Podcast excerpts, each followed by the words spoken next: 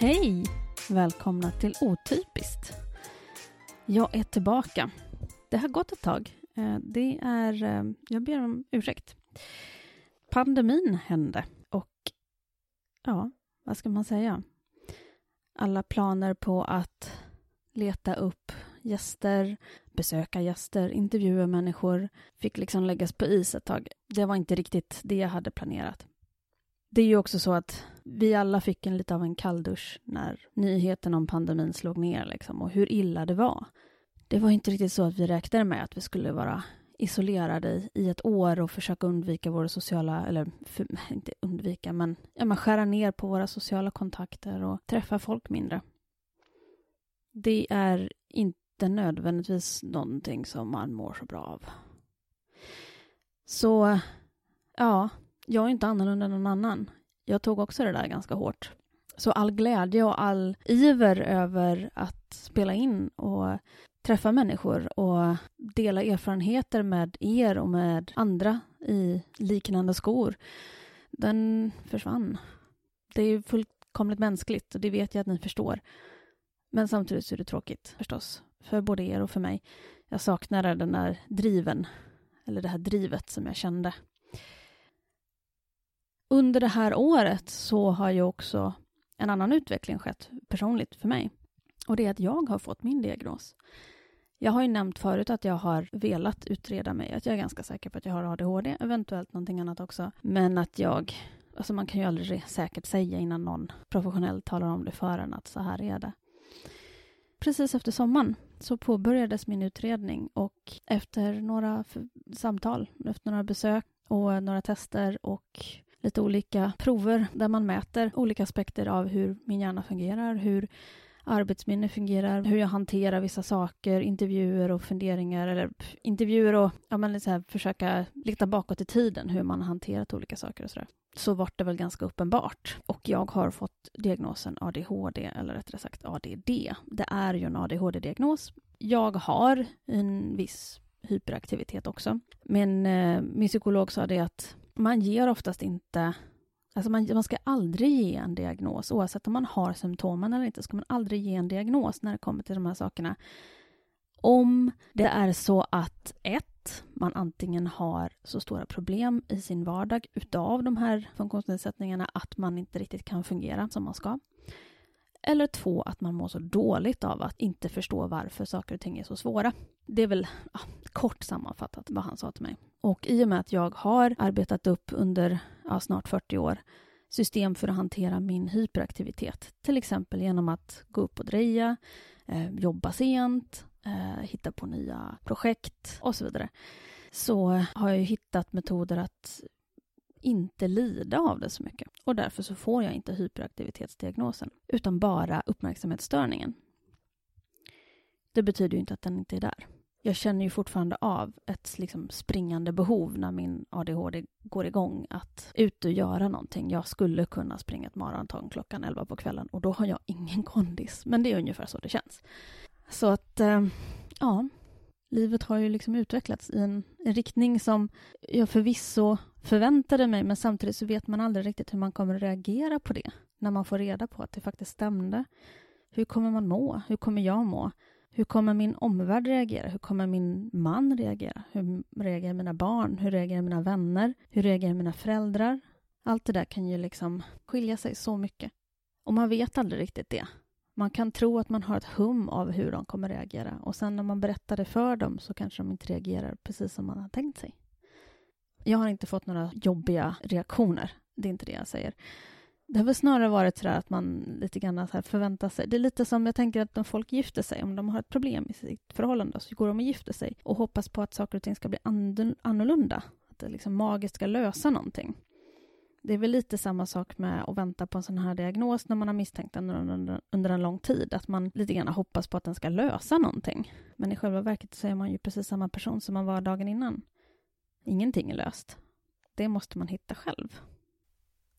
Jag har också börjat medicinera, vilket har haft en intressant effekt i min vardag och i mitt liv. Och delvis också därför jag känner att jag har den mentala kapaciteten att plocka upp det här igen, trots att världen inte riktigt är på en supermycket bättre plats nu i december än vad den var i mars. Men det gör skillnad. Jag kommer gå in mer på det, förmodligen vid ett annat tillfälle.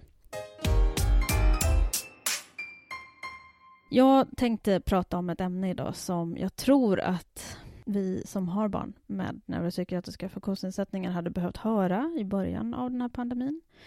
Och för det så ber jag om ursäkt att jag inte kunde vara den som kunde hjälpa till med de här sakerna då. Ett utav tipsen dock, som jag har lärt mig under den här tiden, är att vara förlåtande för sig själv. Att förlåta sina misstag, att förlåta sina brister, att inte straffa sig själv för att man inte orkade mer, eller gjorde mer, eller var bättre, vare sig som förälder eller som otypisk. Jag följer en, en Youtube-kanal som jag tycker väldigt mycket om och som jag tror att jag har nämnt förut men som jag absolut inte kan tipsa om för mycket. Det är en Youtube-kanal som heter How to ADHD på översatt till svenska Hur man ADHD är, antar jag.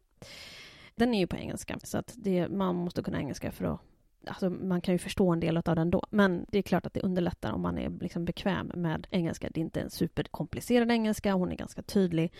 Det är en kvinna som heter Jessica McCabe som har den kanalen, som själv har ADHD, som från början fick diagnosen ADD precis som jag, vilket är vanligt hos kvinnor, men som senare fått den kompletterad till ADHD också.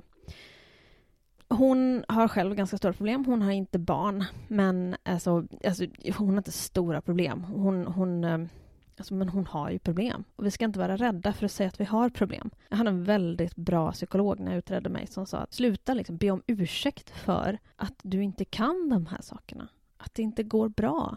Det är okej okay att säga att du har stora problem med det här. Och det är okej okay att säga att du är bra på saker också. Och att inte liksom ah, vifta bort det, sådär som man gör.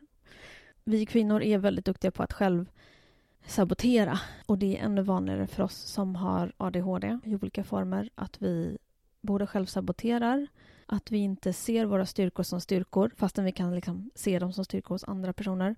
Och att vi eh, ber om ursäkt för när vi är bra, både i oss, i oss själva, att vi liksom nästan kompenserar när vi är bra på någonting med att genast ta upp någonting som vi är dåliga på. Och det är också ofta så att vi som har ADHD i olika former, framförallt kvinnor, men generellt, är duktiga på att vilja behaga andra. Så vi är duktigare på att blunda för våra styrkor och, och lyfta andras styrkor istället. Andra människor är bättre än vad vi är på så mycket. Och det är vi ganska duktiga och ivriga på att lägga fokus på. Bara för att jag går på ADHD-medicin så betyder det inte att jag har lättare med att hålla den röda tråden. Det är inte alltid så att ADHD-medicinen hjälper en att lösa alla problem i livet och det är inte alltid så att den tar bort alla symptom på ADHD. Den gör det i regel och generellt livet lite lättare att hantera, men det är inte så att du slutar vara du. Har du övat på att ha, eller rättare sagt har du inte kunnat öva på att hålla en röd tråd i 40 år då kommer det inte magiskt bli bättre bara för att du börjar ta ADHD-medicin. Så eh, ja, ber om ursäkt till mina lyssnare, till mina vänner, till mina, min familj för att detta inte har blivit bättre. Jag vill återgå lite grann till det här, den här eh, Youtube-kanalen How to ADHD. Den är otroligt användningsbar. Hon blandar personliga anekdoter, med vittnesmål, med forskning, med intervjuer med forskare eller läkare eller psykiatriker som har erfarenhet av olika saker med små roliga illustrationer. Den perfekt, tycker jag, för oss som har ADHD om man underhålls av rörelser, liksom bilder som rör sig. Det är inte alla av oss som klarar av att titta på Youtube-klipp, men klarar man av det så är den här Youtube-kanalen alldeles, alldeles lysande. Det är så korta små avsnitt, lite peppig musik samtidigt. Det är så här, små korta klipp, liksom inte så här överväldigande rent så här intrycksmässigt. Att man blir bombarderad av intryck, tycker jag. Det kan ju vara individuellt. Men jag tycker ändå att det liksom är lätt att titta på, med uppmärksamhetsstörning till trots. Jag såg nämligen ett avsnitt ganska nyligen av den här vloggen som heter How to make a stay at home plan during the crisis. Det är ett avsnitt som spelades in för åtta månader sedan, men jag tycker fortfarande att alltså, det är fortfarande aktuellt. Och vi får också hålla i åtanke att det här är inspelat med tanke på människor som har barn i USA, där utbildningen har varit förlagd hemma till nästan 100 procent för väldigt stor del av befolkningen, även för små barn. Så att den är också vänd till familjer som har små barn hemma mycket. Och det är ju inte så att vi som har barn med NPF alltid klarar skolan i normala fall. Och med så mycket uppbrott som det har varit i vardagen, så fort man är hemma, så måste, eller så fort någon är lite småsnorig så måste man vara hemma en vecka. Man är rädd kanske för att bli förkyld eller sjuk. Man har nära och kära, kanske till och med i sin familj som tillhör riskgrupper så att man inte kanske har kunnat skicka barnen till skolan i samma omsättning eller utsträckning som man är van vid. Det har varit mycket personalbortfall med sjukdom och vikarier och bortfall av lektioner och håltimmar. Ni förstår vad jag menar. Det har varit rörigt för oss. En del av oss har klarat det bättre. En del har barn som klarar sådana här förändringar bättre än andra. En del har barn som bara har spiralat ur kontroll under den här perioden. Hela spektrat finns. Liksom. Men det här avsnittet är en lång intervju med en läkare, tror jag det är, eller en psykiatriker. Det vill säga en läkare med psykologkompetens eller psykiatrisk kompetens, det är liksom mer än bara en husläkare, som heter Brendan Mahan. Han har också en podcast, ska jag säga, som heter ADHD Essentials. Som sagt, han heter Brendan Mahan, M-A-H-A-N. Och Jessica i den här Youtube-kanalen, hon intervjuar honom om just så här, vad, vad, hur ska vi överleva det här? Att vara hemma på det här viset. Det handlar inte bara om att vara hemma. Det handlar också om att vi får inte riktigt den... Det av, alltså, har man en partner, har man barn, vi är vana, de flesta av oss, att inte träffas 100 procent varje dag, vecka ut, vecka in, månad ut, månad in. Vi är snart inne på ett år av extrem närhet med vår närmsta familj för väldigt många av oss. Och det är stressigt. Det är svårt att hantera för den bästa av familjer.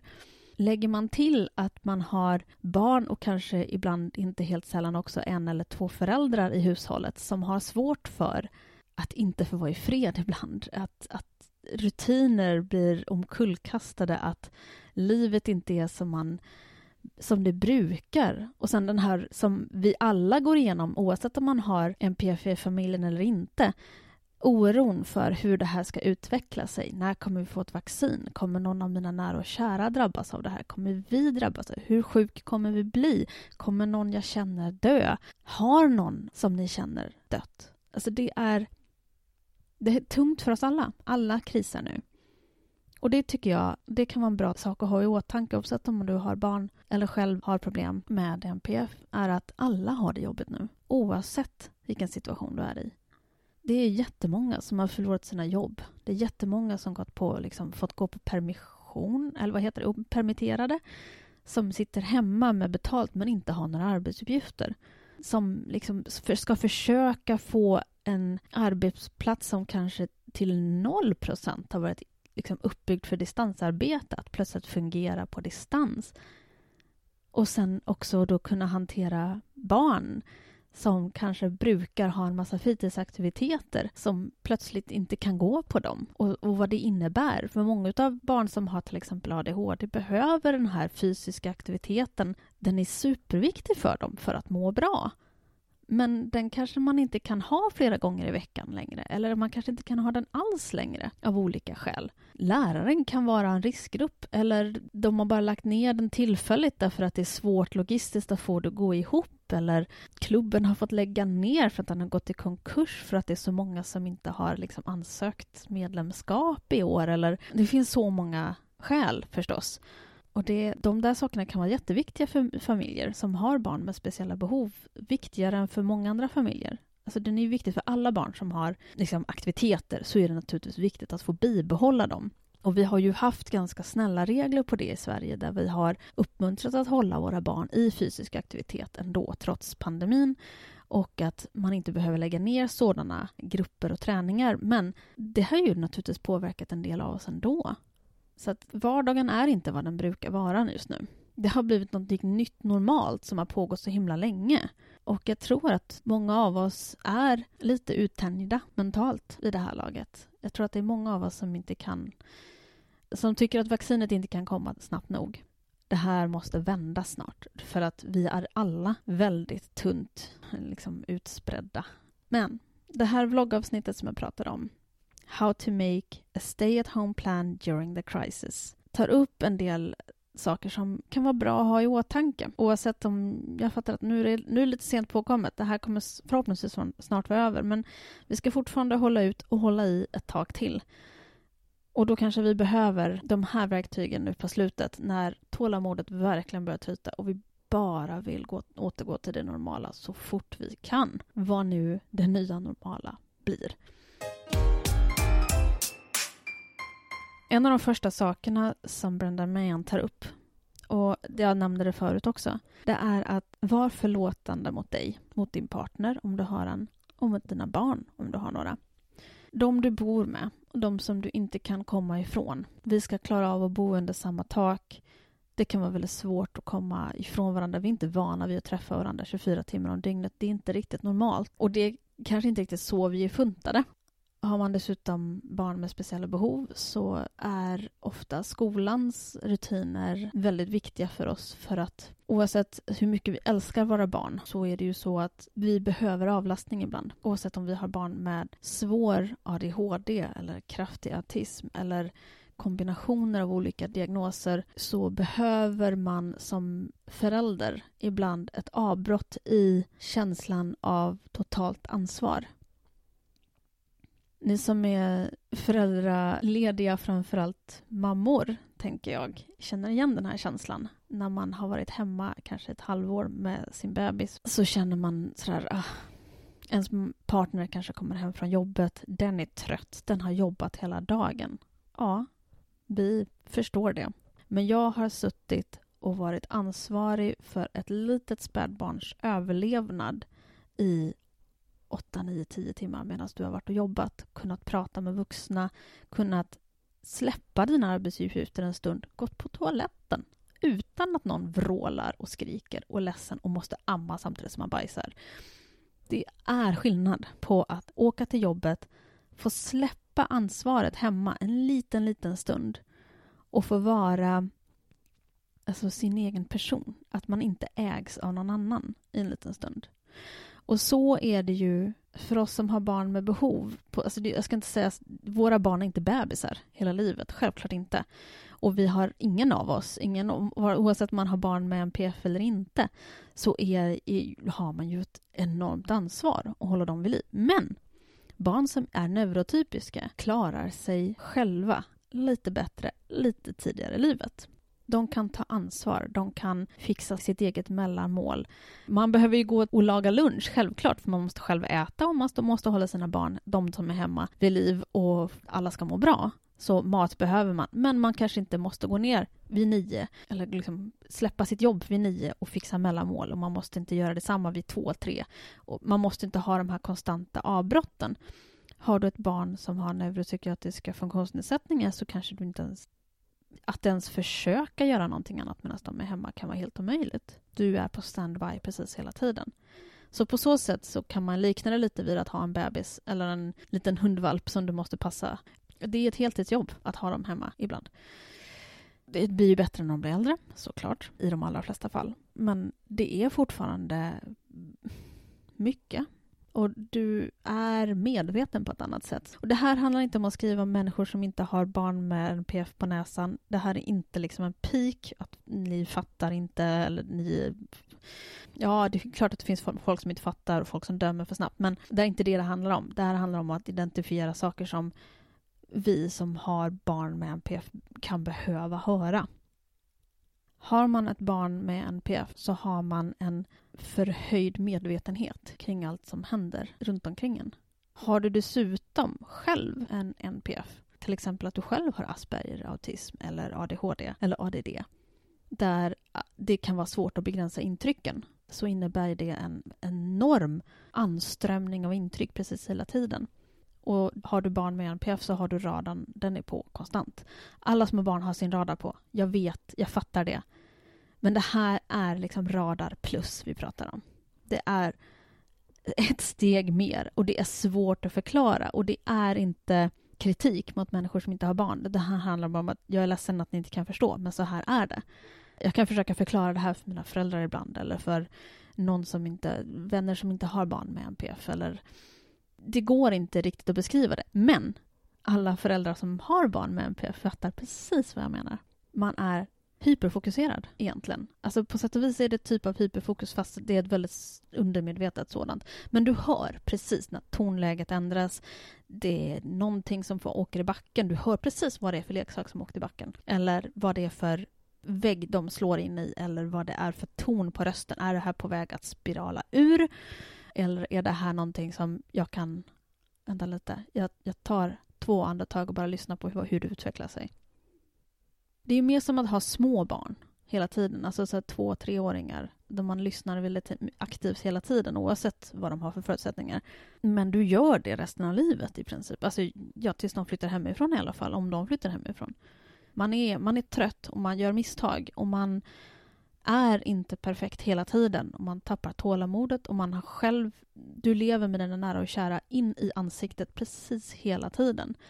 Du får aldrig chans att komma ifrån varandra och sakna varandra och känna att man kommer hem till sin flock. Man är i sin flock konstant och för en del är det jätteskönt. Men jag tror att det är väldigt vanligt att man behöver ha en paus ifrån varandra och göra någonting annat. Fokusera på någonting annat än barnen eller sin partner eller att man bara är i varandras utrymme hela tiden. Jag och min man har tur. Vi kan dela upp våran... Ehm, alltså, jag sitter ju uppe i min studio. Det är ett annat hus på tomten. Andra kanske har ett annat rum. Men det är klart att det påverkar oss alla att vara med vår partner precis hela tiden. Man har sina egna behov. Man vill kunna gå och ta en kopp kaffe och vara i sina tankar utan att någon annan avbryter. Och det är inte alla som har en arbetsplats där man kan göra så förstås, det fattar jag. Men det är ändå det är någonting annorlunda med att ha den här närheten och det är ju inte jag den första att säga, eller den enda, eller den sista. Så att det här är ju ett erkänt problem för oss som behöver jobba ihop med vår familj precis hela tiden. Mina barn har kunnat gå i skolan majoriteten av tiden som, de har, som den här pandemin har pågått. Men det är liksom, så fort någon är förkyld så är de hemma en vecka allihopa. Så fort någon nyser eller känner sig lite krasslig så är man där och, och har i princip friska barn hemma som behöver stimuli och som behöver sina rutiner och som Mm, det är inte helt ovanligt att barn som har MPF kommer in i perioder där stressen av att vara hemma och inte ha en rutin påverkar beteendet hos dem på olika sätt. Att de lägger sig till nya tics eller nya metoder, att det kan komma upp OCD och tvångsbeteenden. Hur ska man göra med medicinering? Ska man medicinera när man är hemma när man ändå kanske inte måste göra någonting speciellt? Klarar man det som familj? Jag menar, för två år sedan så skulle jag sagt nej, absolut inte. För våran del hade det aldrig gått. Han medicinerades hela, inte nu i somras, men året innan dess, hela sommarlovet. Vi provade i några veckor och var utan medicin. Men det gick inte. Det, alltså det var ingen som mådde bra och till slut så var det ett gemensamt beslut mellan oss och vårt barn att påbörja medicineringen igen och det är okej. Okay. Så att man måste liksom ha lite tålamod med sig själv. Ha tålamod med att man inte alltid orkar vara liksom pedagogisk. Vi är inte vana vid att vara med våra barn eller våra partners precis hela tiden. Då orkar man inte alltid vara pedagogisk. Framförallt om man inte har liksom ett, en stort krav, kanske också att, och en stress att man inte gör så bra på jobbet nu. Men ha tålamod med dig själv. Några andra tips som Brendan Mayen tar upp i den här vloggen är att försöka planera och sammanfatta vad, vad, hur den kommande veckan ska se ut. Under helgen, sätt dig ner tio minuter, det behöver inte vara länge, med din partner helst. Och planera ut och berätta liksom, ah, men, eh, vi har det här och det här läkarbesöket kanske. Vi har, jag har kvällsmöte den här och den här dagen. Man kanske fortfarande har vissa Eh, aktiviteter för barnen under veckan som behöver ske. Så att båda har koll på vad som pågår och in, dels in, kan man inte då liksom bli irriterad på varandra för att man har glömt av och påstå att man inte har blivit informerad vilket kan vara eh, ganska vanligt förekommande för oss som har ADHD att vi får reda på någonting och sen glömmer vi av det för att vi har glömt att det är svårt för oss att hålla saker i minnet. Vi har ofta dåligt arbetsminne och vi har glömt av att skriva ner det. Eller så tittar vi inte i vår almanacka och kollar av, utan ja, nu shit, jag hade glömt av det. I place blame någon annanstans. Det var inte mitt fel, det var någon annans fel. För jag vill inte erkänna att jag är dålig på att komma ihåg saker. För att det är jobbigt att på, liksom, bli påminn om att man är dålig på det. Så sitt ner, försök sitta ner och planera och sammanfatta vad som kommer att hända under veckan. Finns det uppgifter som båda kan dela på så kanske man, är det då man ska liksom kanske lägga upp och komma överens om ska du följa med till träningen den här veckan eller ska jag göra det? Kom inte på det tio minuter innan träningen börjar att fan, jag orkar inte, jag vill verkligen inte den här gången. Jag har åkt varenda gång de senaste tre veckorna, kan inte du ta det istället? Det kanske inte funkar för din partner. För den kanske inte har jobbat klart sin arbetsdag eller också kanske har haft en jävligt intensiv arbetsvecka och inte orkar den dagen. Ta det, sitt ner och försök titta igenom veckan innan veckan börjar och lista ut vem som kanske kommer att ha mest ork att följa med på torsdag, till exempel.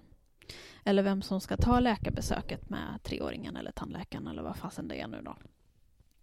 Planera veckan som kommer, men ta höjd för att det kommer att skita sig. För någonting under veckan kommer att skita sig. Har du barn som har NPF av olika slag så kommer det alltid Eh, liksom, vi är alla bekanta att med liksom, tillfällen då man har planerat någonting men barnet är inte i form. Eller man själv inte är i form för att man har hanterat sitt barn halva dagen. Barnet kanske är i jättebra form att åka iväg och göra den där grejen som behövde göras. Men man själv är kanske liksom färdig för dagen. Stämplat ut mentalt och inte pallar och dra ihop säcken och åka iväg. Man kanske precis har klarat sig igenom morgonens meltdown och kanske inte är jättesugen på att åka kollektivt med barnet direkt efteråt. Därför att det i sig är, kan vara en källa för en ny meltdown. Så ta höjd för att saker kanske inte riktigt blir som man har tänkt sig. Oavsett om det handlar om ens arbete eller ens hälsa eller ens vardagsrutiner.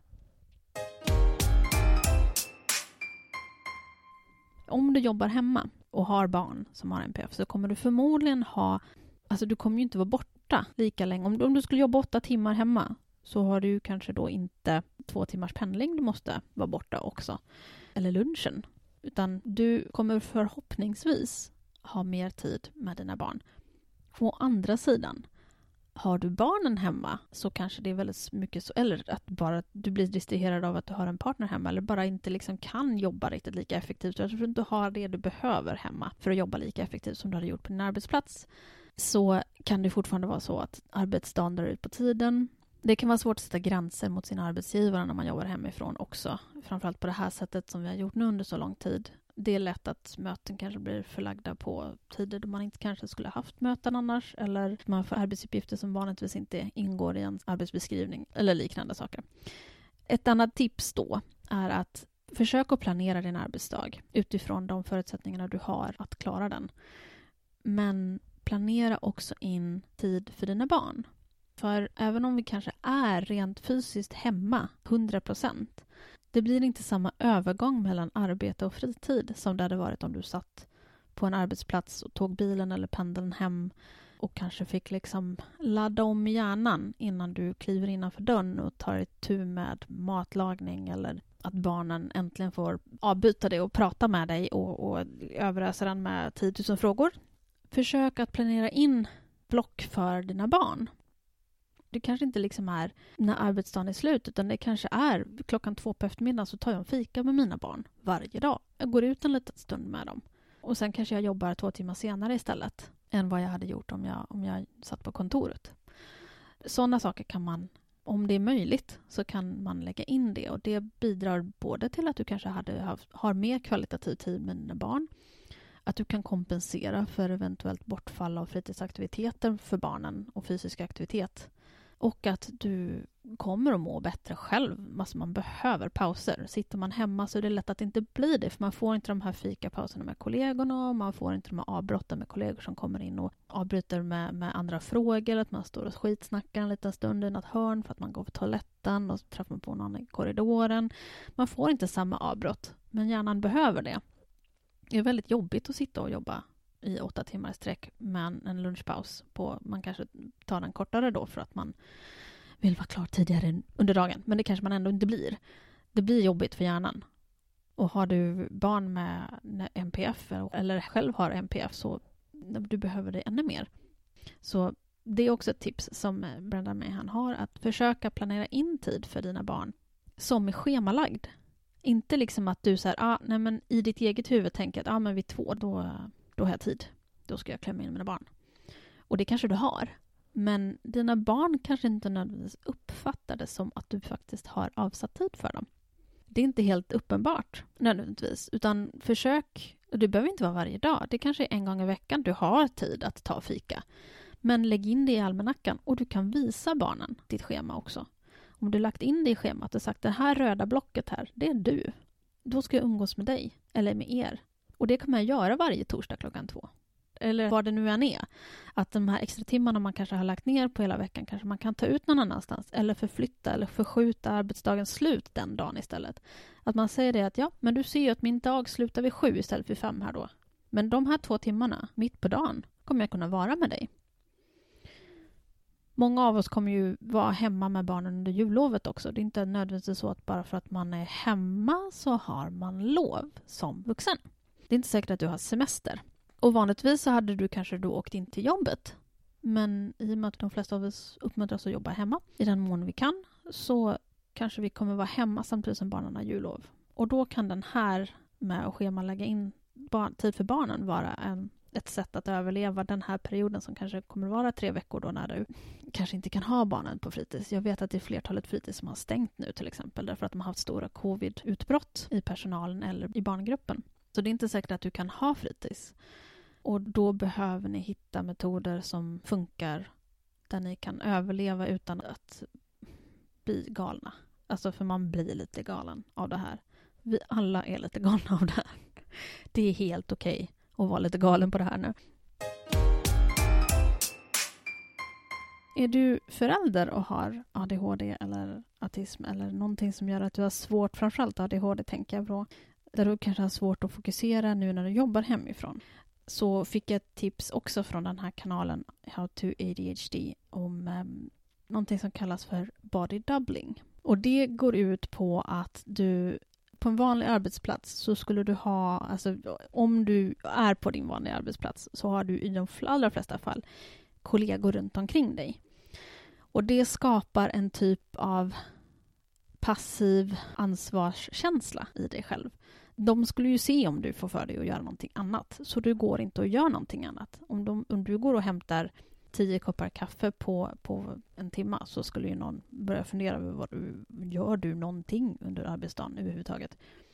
Det hjälper ju oss som är lite scatterbrained att hålla oss lite grann i kragen. Och det är en metod som man faktiskt kan använda sig av även när man jobbar hemifrån.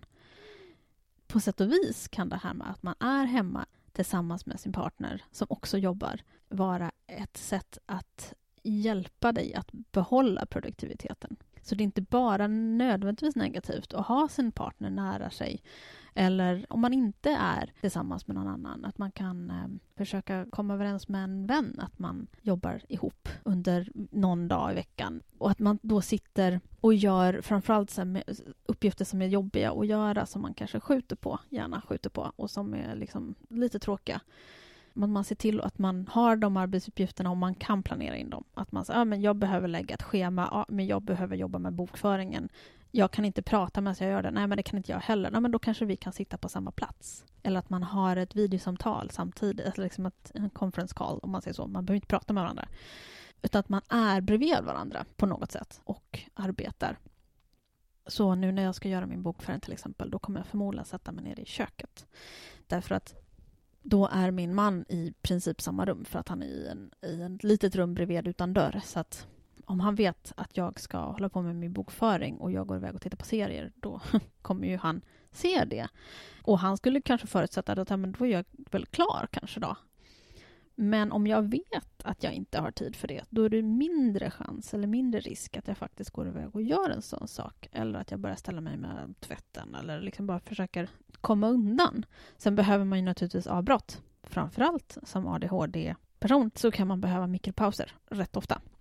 Men man kan ju lägga upp det tillsammans med den här då det är nästan som att ha en studiekompis, förstår ni vad jag menar? Att man, man sitter tillsammans och pluggar varsin grej fast man inte pluggar kanske samma utan man bara sitter man bara har den där andra personen där och det hjälper en att hålla uppe motivationen att göra det. Och det kallas på engelska för body doubling och det är alltså en metod som faktiskt används i många fall. Så kan man använda sin partner som en subtil motivering att hålla sig fokuserad på det man behöver göra så prata med varandra och försök lägga upp någonting sådant. Men som sagt, det får inte vara någonting då som påverkar din produktivitet på ett negativt sätt, utan då får man antingen, är det så att man har en uppgift, ja, där du kan prata samtidigt, ja, men då kan man ju passa på att göra det samtidigt som den andra personen också har en uppgift där den kan prata samtidigt. Men ska du göra någonting där du behöver vara fokuserad och eh, hålla tankarna i styr och inte kanske liksom bli distraherad av saker och ting runt omkring dig eller, eller att någon annan börjar prata om ett annat ämne, då får man ju se till att man har den överenskommelsen innan då. Så att nu behöver jag göra det här idag och eh, jag kommer inte behöva, eller jag kommer inte kunna prata med dig, men att du är här. Om du har en arbetsuppgift som du behöver göra så kan det hjälpa mig att fokusera. Så att kolla sådana där saker också. Det kan vara ett bra sätt att hjälpa varandra. Ni som har gymnasiebarn hemma med ADHD kan nog eh, ha en annan dialog med era barn omkring de här sakerna, tänker jag också. Och det, just body doubling kan ju vara ett bra sätt för om du behöver jobba och ditt barn med ADHD behöver sitta ner och ha lite fokus på fysiken eller vad det nu än är som behöver göras. Så passa på och försök att planlägga de här uppgifterna tillsammans. Så att de här tipsen är ju inte, de är inte bortkastade. Och vem vet, vi kommer kanske hamna i sådana här situationer igen i framtiden med nya pandemier eller andra... Alltså det kan ju hända saker som gör att man måste vara hemma. Att ha en plan för hur man ska göra om allting skiter sig eller om man behöver vara hemma eller bara att man faktiskt förlägger mer sin arbetstid hemma nu efter pandemin. Att det liksom är en, eh, jag tror att många kommer att göra det. Så kan det vara bra att hitta metoder att behålla produktivitet och att hjälpa varandra med det. För det kommer ju alltid finnas tillfällen då barnen kanske är, får influensa och är borta i tio dagar där de ligger efter i matten eller vad det nu än är och de behöver hjälp med att plugga samtidigt som du måste jobba, vara hemma och jobba eller måste vara hemma och fokusera på någonting annat då är det ju fortfarande så att de här sakerna, att vara förlåtande mot varandra, att inte förutsätta att den andra personen försöker störa dig för att vara dum mot dig, utan de, att avbrott kommer av en anledning och att det bästa sättet att stävja avbrott och att stävja liksom, upp, liksom uppmärksamhetssökande beteende är ju att faktiskt svara på det. Självklart under vissa liksom, förutsättningar. Man behöver ju naturligtvis sätta gränser ibland. att nu har jag ett möte i en timme med en jätteviktig person som jag inte har lust att... Så här, det är inte jättebra om det struttar in ett naket barn i bakgrunden. Vilket jag tror det har hänt för väldigt många som har jobbat hemifrån det här året som har gått. Så då behöver man ju liksom prata med sitt barn då kanske innan att ah, nej men, ja, jag har det här mötet nu som jag inte kunde skjuta på fastän du är hemma. Men jag kan prata med dig en stund efteråt om du vill istället. Jag kanske kan ta tio minuter, en kvart extra att prata med dig då. Alltså, är man hemma med småbarn som inte klarar av att vara själva en stund så ska man naturligtvis inte jobba. Det är bara dumt. Utan jag pratar om lite äldre barn som kanske då kan faktiskt egentligen klara sig själva eller lösa problemet själv. De kanske kan ta en stol och nå tallriken istället för att be om hjälp eller ta en macka om man är hungrig och lunchen har dragit ut på tiden eller vad det nu än är. Men man behöver informera sina barn om man är otillgänglig under en period. Då behöver de ha en plan för, oavsett om de har NPF eller inte, så behöver de ha en plan för vad de ska göra om de behöver dig. Är det akut så är det akut. Självklart, bör det brinna någonstans eller någon har kräkts eller det rinner vatten någonstans eller det är stopp i toaletten och vattnet svämmar över eller någon mår dåligt så är det naturligtvis så att man måste få avbryta. Och det behöver barnen känna till. Det kanske man faktiskt behöver berätta för dem. Det är inte alltid så att barn förstår skillnaden mellan en, en akut situation och en icke-akut situation. Framförallt om man har barn som kanske inte hänger med på sådana beskrivningar eller som förstår jag menar, barn som, som har autistiska besvär till exempel kan ha väldigt svårt att förstå liknelser om du säger till ett barn om det är akut så får du avbryta mig, men annars får du inte avbryta mig.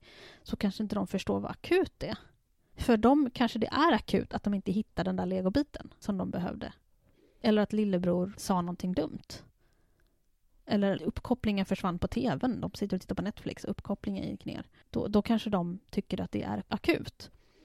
Men då behöver man kanske prata med sina barn om vad som är akut. Om man märker att de har de tendenserna att inte riktigt kunna dra den gränsen. Det är ganska naturligt att barn inte förstår vad som är akut om man inte definierar det. Men sen ju äldre de blir så förstår de det mer och mer.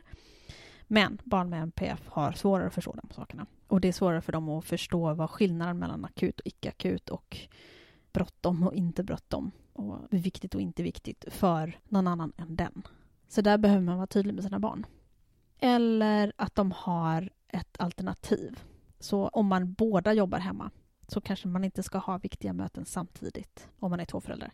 Om min man har ett jätteviktigt möte då flaggar han det för mig. Men jag ska prata med en kund i USA och om inte vi får den här så då kommer vi inte klara kvartalsrapporten eller vad fan det nu är. Liksom viktigt, jätteviktigt.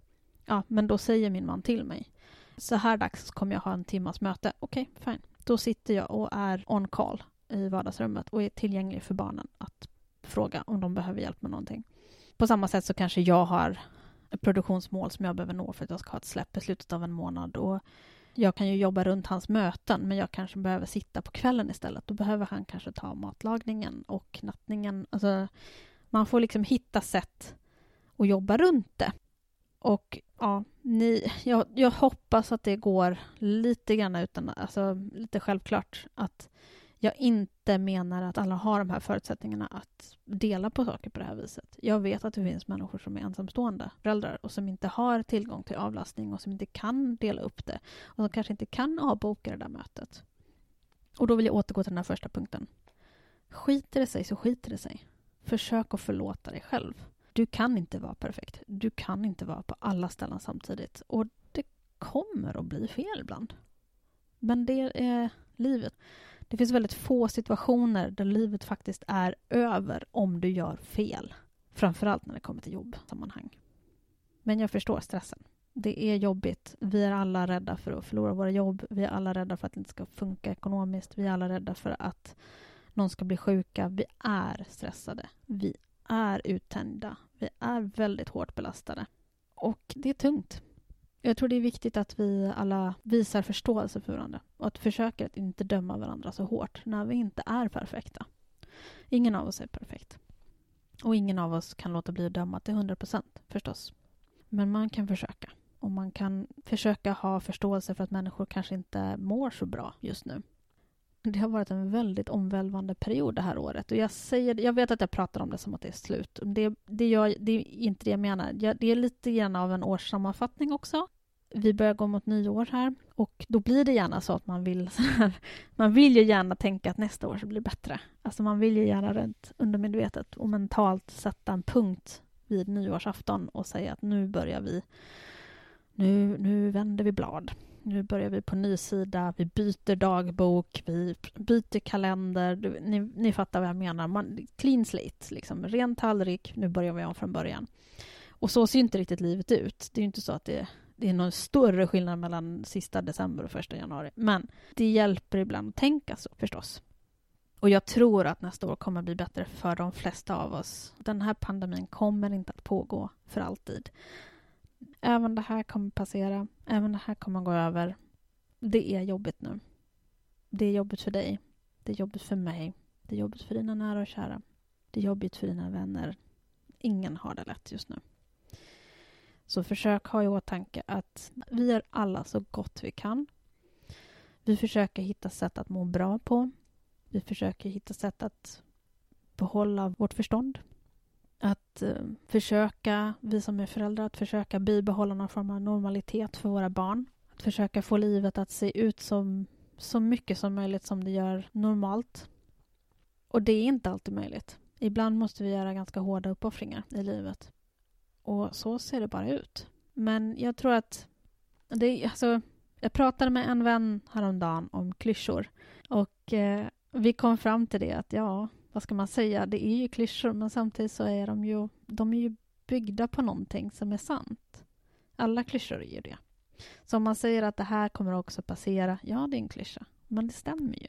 Ingenting varar för alltid, oavsett om det är bra eller dåligt. Så eh, klyschor känns eh, förvånansvärt välkommet i år känner jag. vi brukar inte tycka om klyschor och såna här väggord och grejer, men det här året har man varit eh, lite grann i behov av de där sakerna. Jag tror att vi alla letar tröst i allting vi kan hitta nu. Vi, let, vi håller tag i det vi kan hålla tag i. Och i tider av kris så betyder sådana där saker väldigt mycket för de flesta av oss. Så var inte rädd för att hålla tag i de där sakerna som kanske annars skulle kännas lite överdrivet eller corny eller om det får dig att må bra, vem fan bryr sig om vad någon annan tycker? Det här är ett långt comeback-avsnitt känns det som, men eh, jag tror att jag ska avsluta här. Jag hoppas att jag kommer fortsätta att spela in avsnitt. Jag kan inte lova någonting just nu. Jag har haft en massa grejer jag har gått igenom i år, både relaterat till covid och till andra saker. Så att jag mår rätt bra idag, men jag har inte mått bra. Och jag måste vara lyhörd för hur jag mår. Jag vill väldigt gärna fortsätta spela in avsnitt och jag vill gärna fortsätta prata om de här sakerna. Det kanske kommer vara några avsnitt där jag driver iväg lite grann i ämnet och kanske pratar om andra saker än just barn med NPF. Men ni får ha i åtanke att jag har varit ett barn med NPF, men inte vetat om det. Så att man kan tänka lite grann att det, det handlar lite grann om vad som kanske också kan hända i livet om man inte vet att man behöver hjälp. Eller att man inte får hjälp fastän man kanske vet att man behöver hjälp. Nu släpper vi det här avsnittet för idag. Om det är så att jag spelar in fler avsnitt så kommer det bli fler monologavsnitt en period eh, framöver. Vi har ingen riskgruppsperson i min omedelbara familj. Eh, jag är inte aprädd för att bli, rädd, eller bli sjuk i covid, men jag bor i Stockholms län och just nu så är vårdläget i Stockholms län extremt ansträngt och jag har inte lust att vare sig bidra till det eller hamna mitt i det och behöva vård när vård kanske kan vara svår att få. Så därför så tänker inte jag söka upp folk att ha intervjuer med i dagsläget. Och ja, jag vet att man kan ha avståndsintervjuer, men jag har inte riktigt ork eller lust eller motivation att leta reda på hur jag ska lösa det rent tekniskt. Så att det, det får vi se om jag gör. Men, och det kanske jag gör. Det borde jag göra. Men det är mycket vi borde här i livet och jag tänker att eh, jag måste sätta lite begränsningar för hur mycket jag, jag kan förväntas göra. Och då är tekniska lösningar för distansinspelningen kanske inte överst på den listan och det ska den inte heller vara. Jag tror och hoppas att nästa år kommer att bli bättre. Som sagt, vi får sikta på det. Och tills dess så kan jag väl bara återupprepa det som vår kära Anders Tegnell säger. Håll i, håll ut och håll avstånd så länge. Prata med era nära och kära på telefon. Berätta för dem hur viktiga de är för er. Var inte rädd för att visa ömhet. Var inte rädd för att visa ömsesidighet. Var inte rädd för att berätta för människor hur mycket de är värda för dig. Tack för att ni lyssnade. Jag hoppas att vi hörs snart igen. Hej då!